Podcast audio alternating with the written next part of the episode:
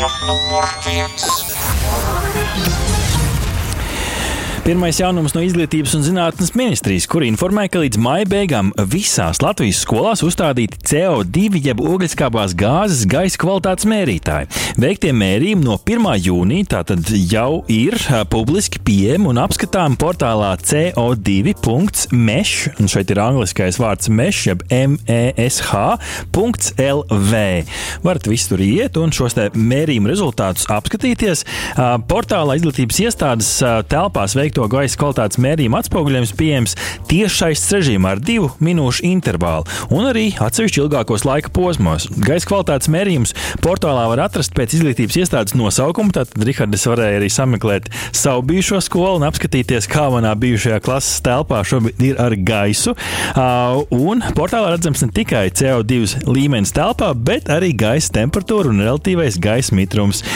Šo visu var apskatīties. Un, protams, kāds ir mērķis? Mērķis ir, lai ne, neapmierinošu gaisa kvalitātes situācijā vienkārši ir skaidrs, vai nu jāatver lokus, vai citādā veidā ir telpa jāizveidina. Jā, nu, iespaidīgs projekts. Tiešām, ja paskatās uz to apjomu, kopumā skolās uzstādīta ap 14,000 sensoru, un, ap citu, arī ap 1000 iekārtām nonākušas arī pašvaldības sociālās aprūpes centros.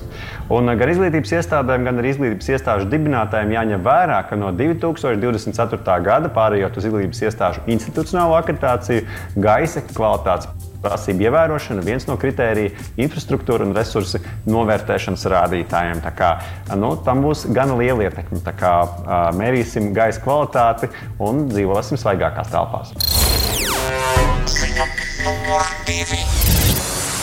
Tajā tālākajā 1987. gadā CompuServe uzņēmums iepazīstināja pasauli ar GIF attēlu formātu, jeb kustīgi attēli.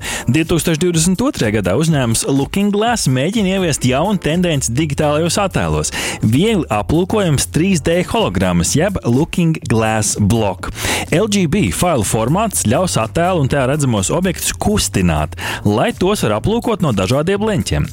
Skatītājiem vienkārši ir jāuzbrauc uz šī attēla ar kursoru un kustinot to, varēs redzēt, kā attēls kustās. Un, piemēram, uzliekot pirkstu telefonā, arī šādā veidā attēls būs kustināms un varēs izbaudīt šo 3D dziļuma efektu. Tā unikālā pievienotā vērtība ir tam, tajā, ka uzvelkot virtuālās realitātes brilles, objektu pilnā stereoskopiskā 3D formātā varēs vērot arī virtuālajā realitātē. Tehniskā līmenī, ja mēs paskatāmies, tad katrs attēlu bloks ir veidots no daudziem, jo daudziem kadriem, jeb griezumiem. Un praktiski tās ir daudzas atsevišķas fotogrāfijas, kas iemožina objektu no dažādiem leņķiem. Līdz ar to arī attēli ir daudz smagāki, tiem robežojoties no 2 līdz pat 50 megabaitiem, ja attēlu paredzēts skatīt 8K kvalitātē. Jā, starp citu, līdzīgas izpildījumus attēlam jau esam redzējuši, piemēram, Facebook platformā, pievienojot atbilstošu fotofailu. Taču šis LGB ir uh, failu formāts, kas būvēts ar internetu standartiem pamatos, līdzīgi kā tas ir GIF un JPEG. Līdz ar to tā pielietošanas iespējas ir plašākas. Vienkāršāk sakot, to vajadzētu būt vieglāk pielietot nekā līdz šim internetā redzētos 3D attēlu risinājumus. Ziņa numur trīs. Attiecībām starp lielvalstīm esot diezgan saspīlētām, Ķīnas valsts mēdī ziņo par tās plāniem jau līdz gada beigām pabeigt kosmosa staciju Tiangong. Jau tuvākajā laikā Ķīna uz stacijas pamatu bloku nosūtīs trīs jaunus kosmonautus, savukārt jūlijā un oktobrī gaisā dosies divi jauni laboratoriju moduļi, tātad būvē kosmosā. Un citēju, pēc tam, kad gada beigās būsim pabeiguši kosmosa stacijas konstruēšanu orbītā, sāksim strādāt pie dažādu tās pielietojuma izstrādes, kas ilgs turpmāko desmit gadu laikā. Citādi beigas beigas, kā skaidro Ķīnas pilotējumā kosmosa inženieru biroja vadītājs Hao Chuns. Stacijai tiekot pabeigtai, Ķīna kļūs par vienīgo valsti, kurai būs pašai sava kosmosa stacija, vismaz šobrīd.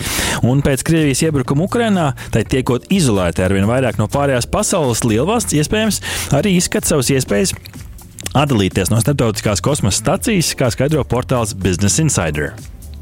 Starp citu, klausītāji, Iangong tulkojumā nozīmē debesu pilsētu.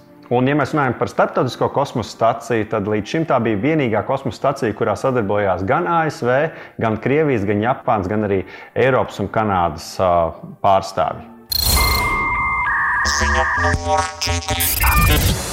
Izraels uzņēmums Electrion paziņoja par tās plāniem nākamgad ASV izbūvēt pirmo bezvadu uzlādes ceļu elektrotransportam. Viens jūdzes garais pilotu projekts tiks pabeigts 2023. gadā Detroitā, Mičiganas štatā.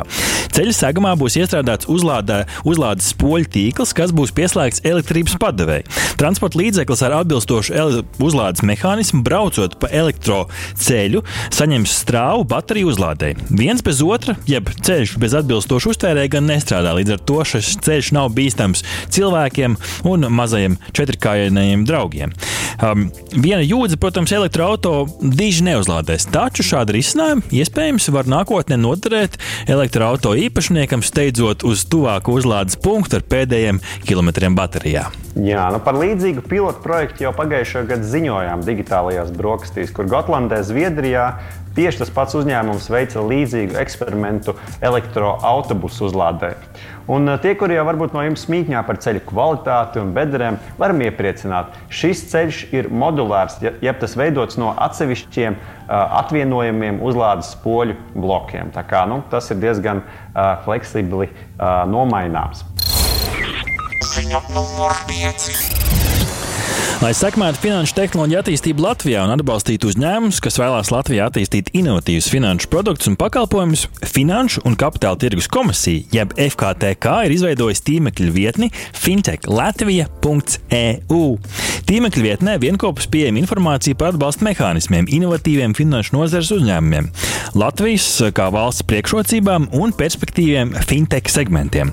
Jaunajā tīmekļa vietnē izklāstīti soļi, kas palīdzēšot fintech uzņēmumam iegūt darbības atļauju Latvijā, kā maksājumu un elektroniskās naudas iestādēm, tā kolektīvā finansēšanas un ieguldījumu platformām un arī kripto aktīvu pakalpojumu attīstībai. Jā, klausītāji, nu, lai jūs saprastu, par kādiem uzņēmumiem vispār ir runa, mēs painteresējāmies pie FKTK.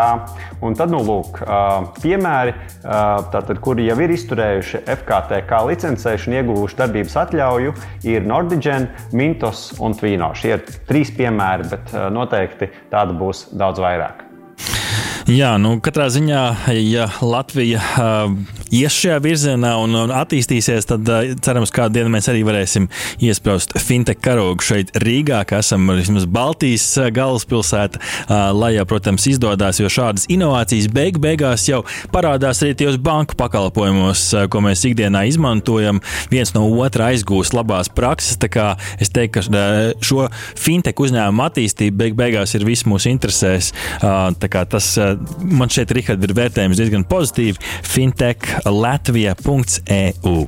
Šāds digitālo brokastu tehnoloģiju ziņu tops. Aha! Paldies, ka noklausījāties mūsu līdz galam! Ja patika, uzspiediet laiku, atstājiet komentāru vai padalieties ar draugiem. Un nobaudiet arī citas epizodes, kā arī sekot mums, lai nepalaistu garām savu ikdienas tehnoloģiju ziņu devumu.